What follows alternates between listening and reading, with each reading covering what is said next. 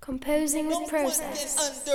Composing lets you with deep process. into. No one Composing can understand process. lets you deep Composing into. No one process. can understand lets Composing you deep process. into. No one Composing can understand lets you deep Composing into. No one can understand Composing lets you process. deep into. No one can understand lets you deep Composing no the process. Composing the process. Composing the process. Let's deep Composing the process. Composing the process. Composing the process. Let's deep Composing the process. Composing the process. Composing the. Let's deep process. Composing the process.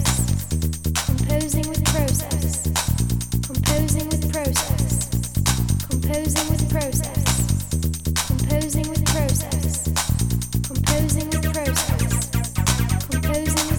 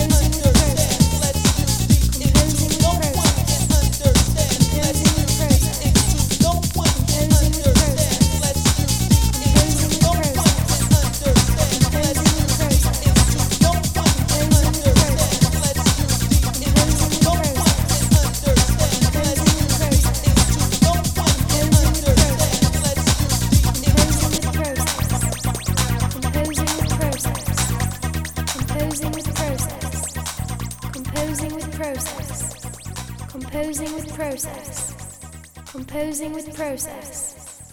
Composing with process. Composing with process. Composing with process. Composing with process. Welcome to the second episode of Composing with Process. In this episode, we look at the role of formalised systems in music making. Such systems can take many forms, and composers working with these are often more concerned with the process and procedure itself rather than the music it might produce. Indeed, for many, the distinction between the music and the system by which it is made is problematic. The composers Tim Perkis and John Bischoff suggest. For us, the distinction between composing a new piece of music and building a new instrument is not clear cut. Composing a piece of music for us is building a new instrument. Their 1989 CD, Artificial Horizons, documents their explorations in this field.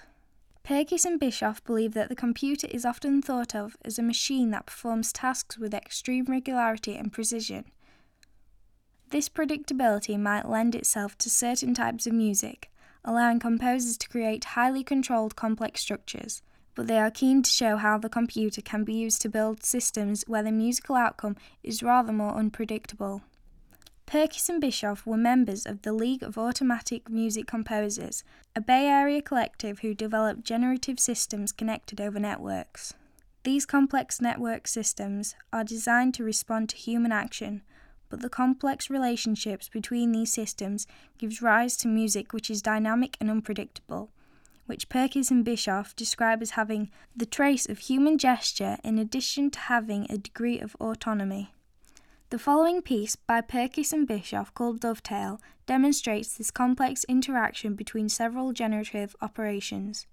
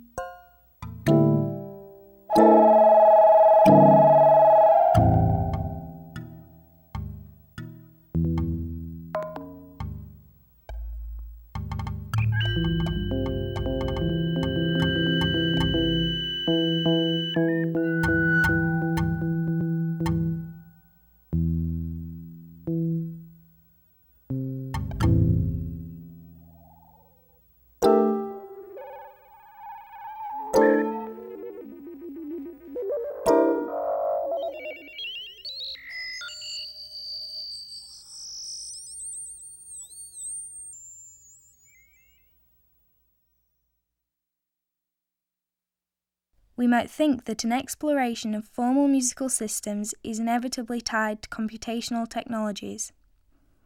Indeed, we could say Perkis and Bischoff's explorations are made possible by these technologies.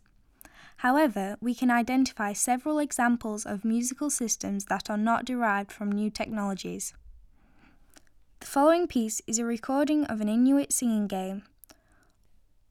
Although these vocalizations are not considered as music in Inuit culture, they are based on a formalized system of rules that determine patterns of singing. The game is for two participants, usually female. One singer leads by setting a short rhythmic pattern, which she repeats, leaving brief, silent intervals between each repetition. The other singer fills the gap with another rhythmic pattern. The first to run out of breath or laugh loses the game.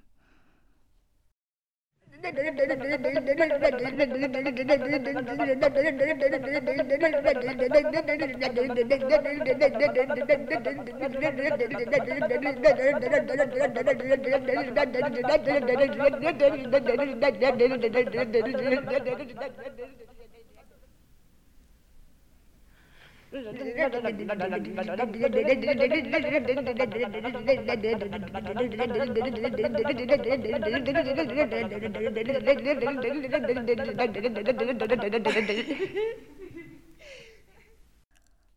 was an example of an Inuit singing game.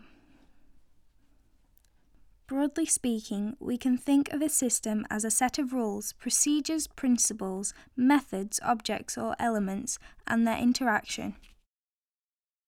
Given this rather broad definition, we might assume that all music is system based to some extent. The musical score, the piano, the orchestra, the auditorium, the repeating phrases of folk musics, these clearly all constitute systems of one sort or another.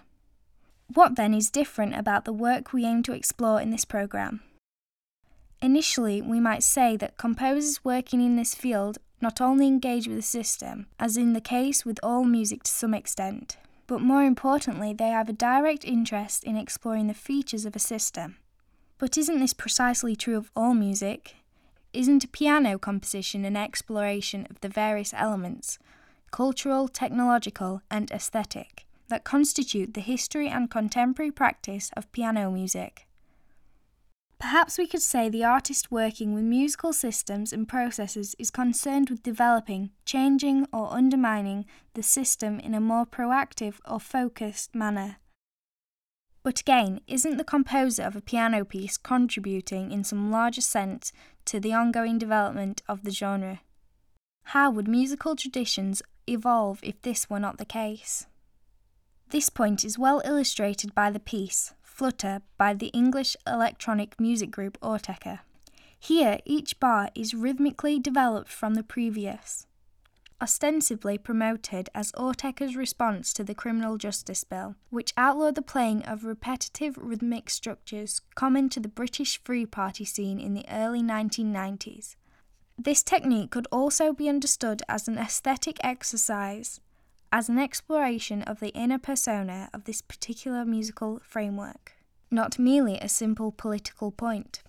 Of course, in making this point, Autechre were quite skillfully and knowingly ridiculing this somewhat unworkable policy. We particularly appreciate the sleeve note which recommends that a trained musicologist be on site at the party during the playing of this piece.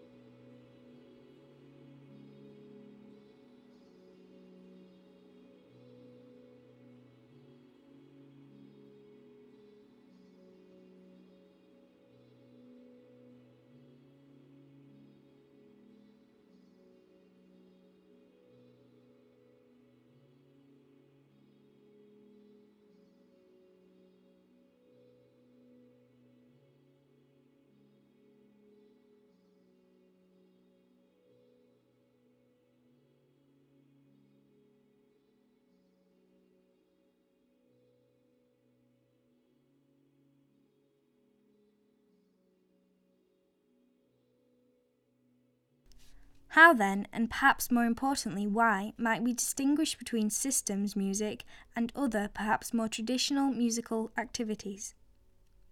We could suggest that the artist working with systems starts from scratch, as it were. They develop new and novel compositional or performative processes beyond those that already exist. According to this view, their approach is categorically different to merely extending the formal systems which already exist in the many musical traditions and technologies around them.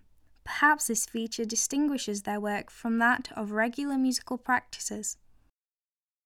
Clearly, however, development of such processes could not take place outside the pre existing technical environment and cultural traditions within which the artist exists. The composer cannot suddenly remove him or herself from his or her musical and technical environment. Here, the French artist Marcel Duchamp uses a radical compositional method. Yet it is evident from the outcome of this method that his procedure still refers to a pre established Western musical framework of pitch and timing intervals. In The Bride Stripped Bare by Her Bachelors, even from 1919, Duchamp devised a mechanical device consisting of a funnel, several open ended cars, and a set of numbered balls. Each number on a ball represents a note. The balls are dropped into the funnel and into the passing cars underneath. When the funnel is empty, a musical period is completed.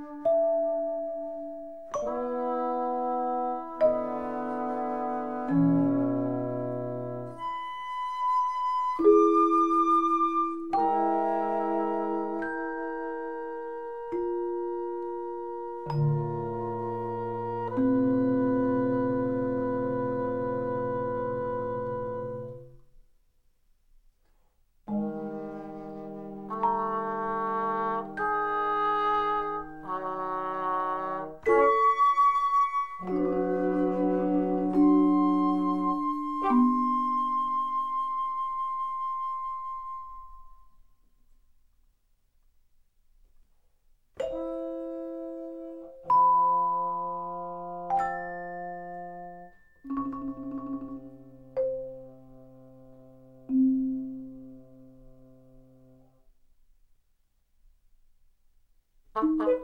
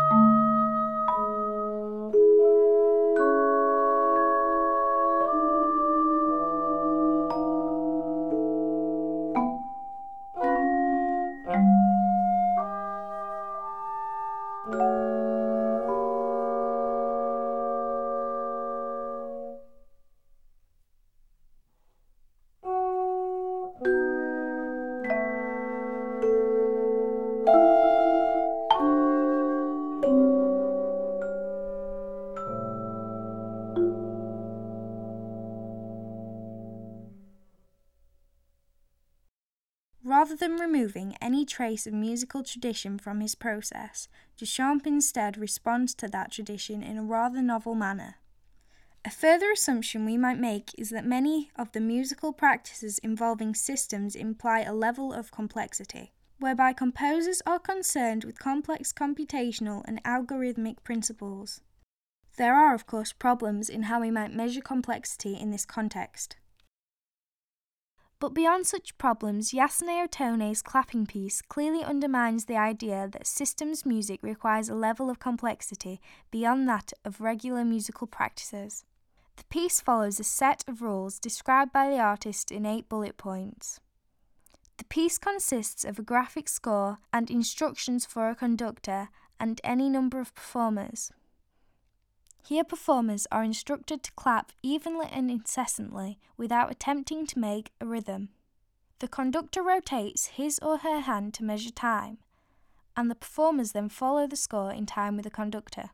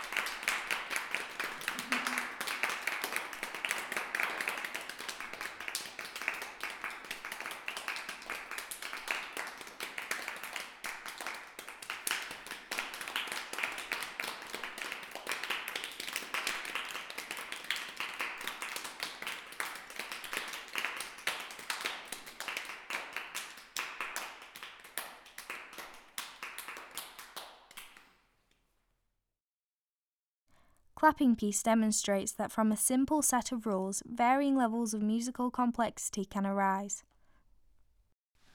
Our discussion so far seems to suggest that there is no clear line dividing what we might call regular music practices and the systems based approaches employed by artists working in generative and algorithmic musics.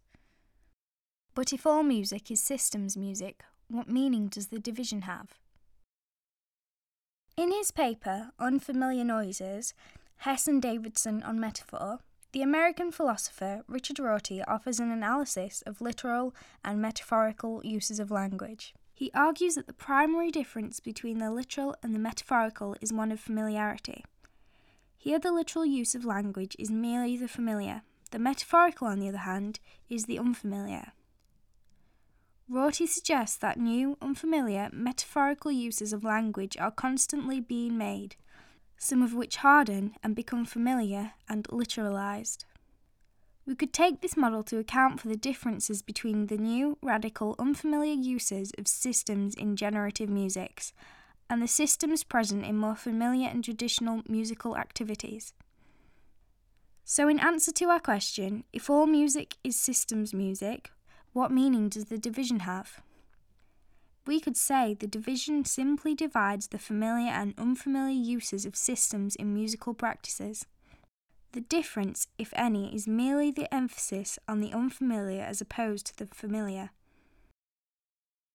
Let's now turn to three tape based works that use different procedural approaches to recording as a way of exploring the temporal and spatial nature of sound. In the following piece, Recorded Delivery, British artist Janek Schaefer placed a sound activated tape recorder in a parcel and then posted this to a room at a self storage centre in London where it would be exhibited as part of an installation. The tape recorder recorded sounds above a volume threshold for the duration of its journey, automatically editing the 15 hour trip through London to a 72 minute recording. Schaefer describes how the device would capture only the most sonically interesting elements how it would automatically edit the recording, allowing an essential selection of truncated impression of its trip rather than a perfect document. Schaefer explains I imagine that these parcels had stories to tell us about their history. Stamps and addresses told only a fraction of this story. Being able to record its journey, I would then be creating an interesting level of information for the audience.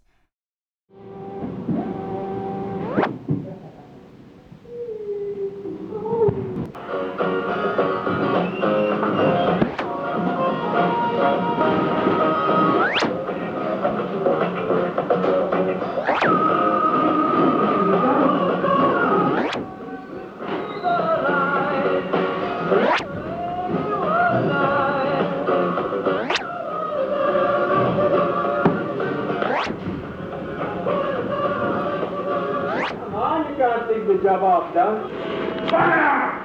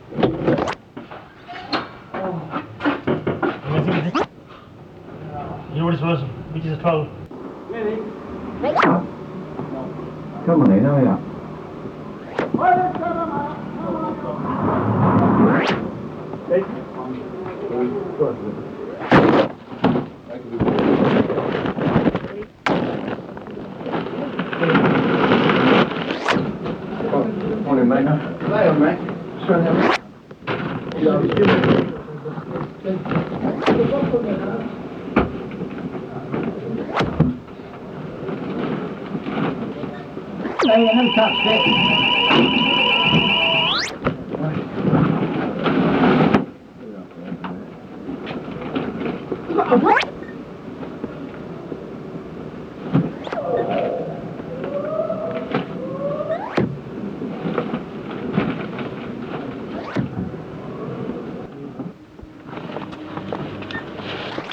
Suck your dick then. Now now she's got a daughter coming to it. Right, and why you get your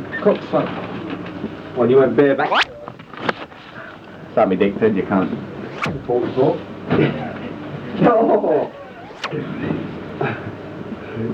Send me on donkey. Leaving dick. Right, look, it's a second. Nothing as an appointment. It doesn't make for walk.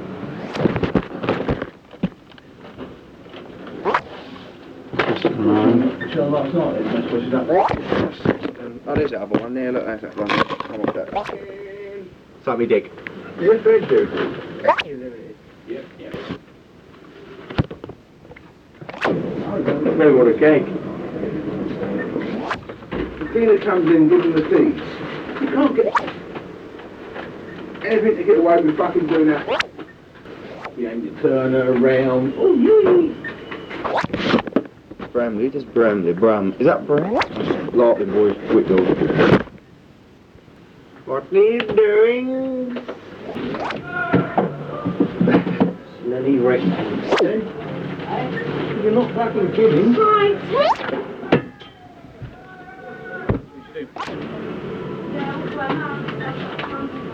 are you doing?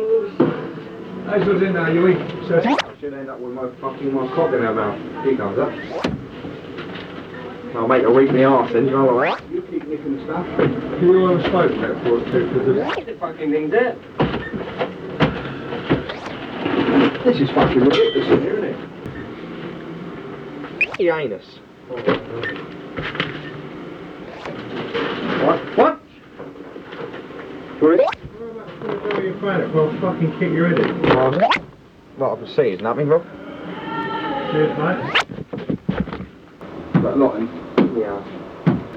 If you don't complain, I think there's something wrong here.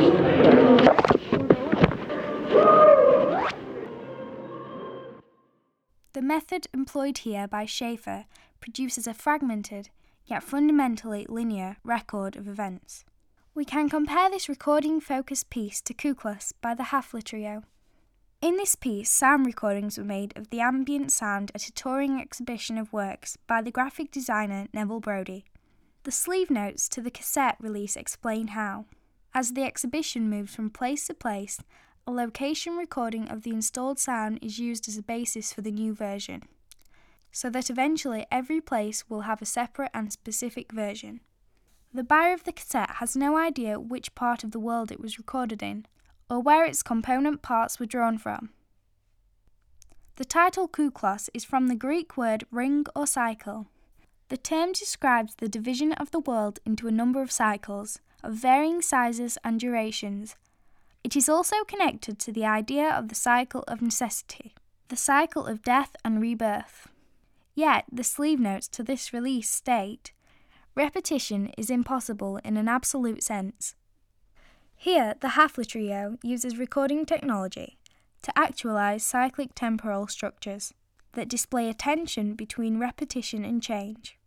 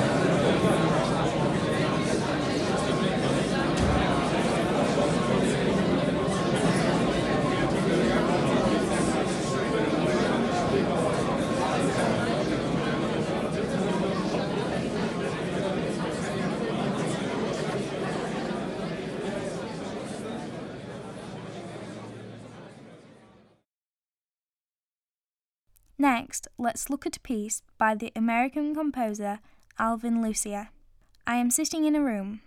A piece for voice and tape was composed at the Electronic Music Studio at Brandeis University in 1969. Here, Lucier recorded himself narrating a text and then played it back in a room whilst re recording it. He then played this recording into the room and recorded it again. Lucier repeated this process 32 times. Since all rooms have different acoustic characteristics, certain frequencies are emphasized in each subsequent recording until all that remains are the resonant frequencies of the room. Throughout the piece, the original temporal object is repeated, yet each repetition increases the presence of the space over the presence of the performer.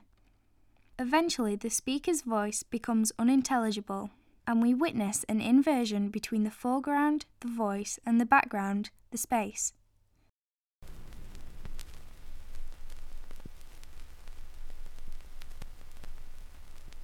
I am sitting in a room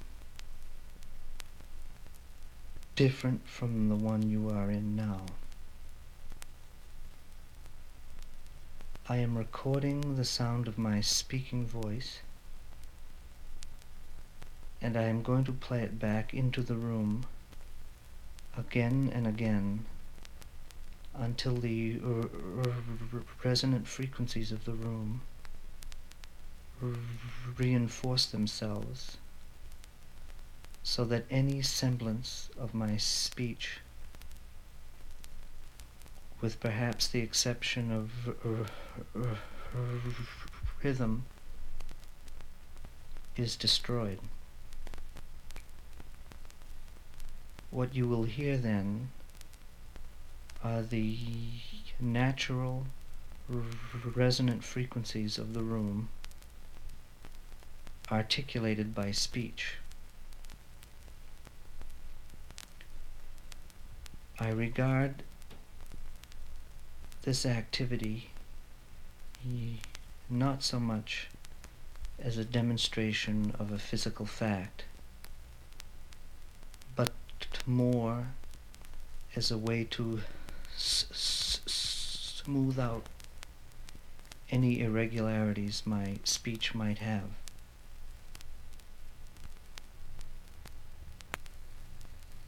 I am sitting in a room different from the one you are in now. I am recording the sound of my speaking voice and I am going to play it back into the room again and again until the r- r- resonant frequencies of the room reinforce themselves so that any semblance of my speech, with perhaps the exception of r- rhythm, is destroyed. What you will hear then are the natural resonant frequencies of the room articulated by speech. I regard this activity not so much as a demonstration of a physical fact, but more as a way to s- s- smooth out any irregularities my speech might have. I am sitting in a room different from the one you are in now. I am recording the sound of my speaking voice and I am going to play it back into the room again and again until the r- r- resonant frequencies of the room reinforce themselves so that any semblance of my speech, with perhaps the exception of r- rhythm, is destroyed. What you will hear then are the natural resonant frequencies of the room articulated by speech. I regard this activity not so much as a demonstration of a physical fact, but more as a way to smooth out any irregularities my speech might have. I am sitting in a room different from the one you are in now. I am recording the sound of my speaking voice and I play it back into the room again and again until the r- r- resonant frequencies of the room r- reinforce themselves so that any semblance of my speech, with perhaps the exception of uh, r- rhythm, is destroyed. What you will hear then are the natural resonant frequencies of the room articulated by speech. I regard this activity not so much as a demonstration of a physical fact, more as a way to smooth out any irregularities my speech might have.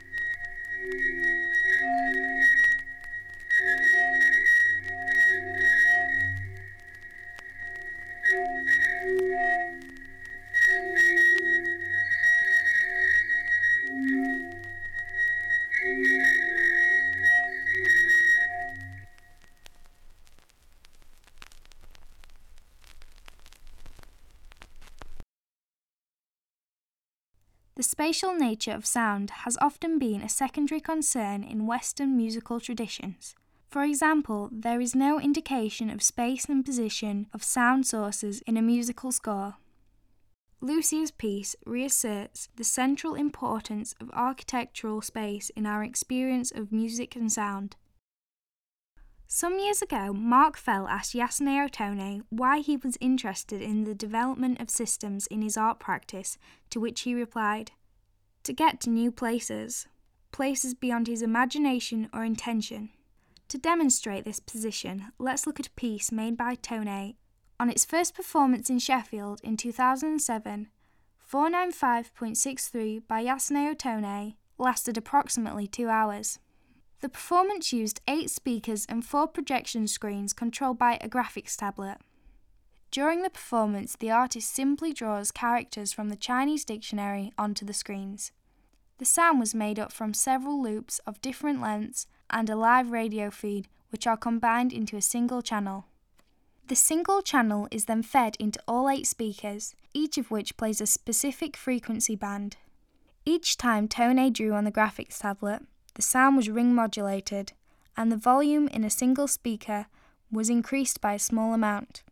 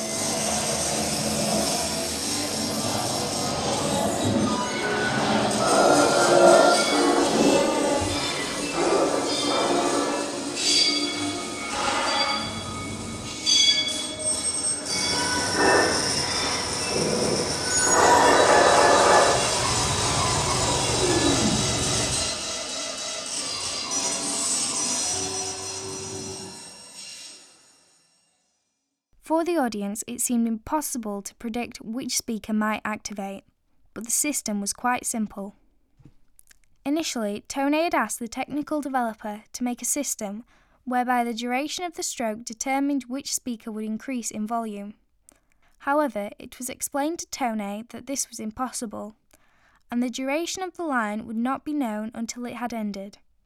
The developer suggested that the length of the stroke could be used to determine the speaker position of the next stroke, thereby offsetting the position by one stroke.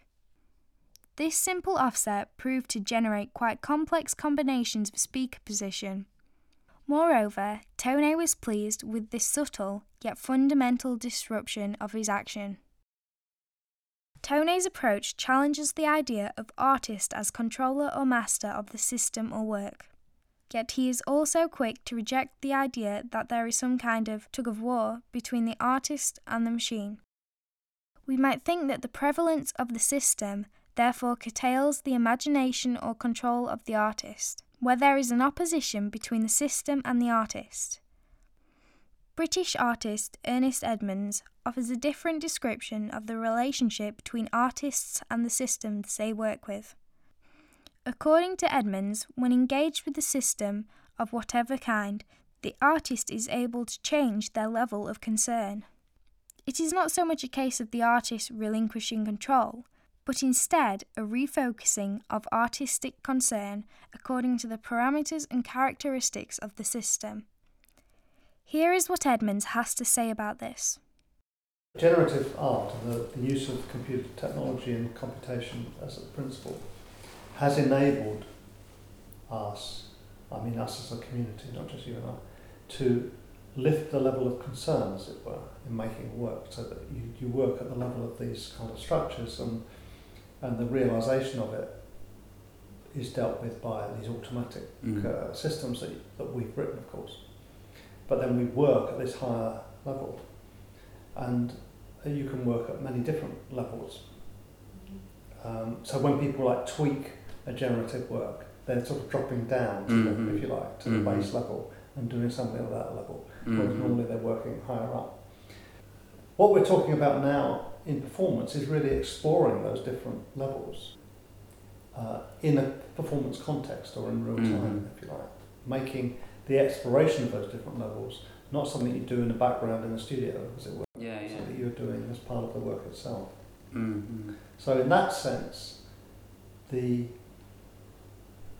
um, the idea of a performance in this context isn't like a, a different kind of thing in all, altogether from making generative art. It's an it's another aspect of it, and it's exploring in a way these different operating at these these Mhm. different levels, um, but making that exploration a work itself. Mm-hmm. In this context, creativity is not curtailed by the implementation of formal systems. On the contrary, it is enabled by them. We leave you with a piece which we hope demonstrates this view Engagement by Tim Perkis. The piece consists of 30 simple repetitive players or agents. Each agent is programmed to carry out its own tasks, such as triggering a note or changing its loudness or pitch. Each time an agent carries out its task, it also changes the rate at which all the other agents repeat. Perkis states that the system is much too complex to understand. As a performer, I have controls which allow me to make very general changes in the statistical distribution of these rate changing influences, responding to the surprises the piece deals me.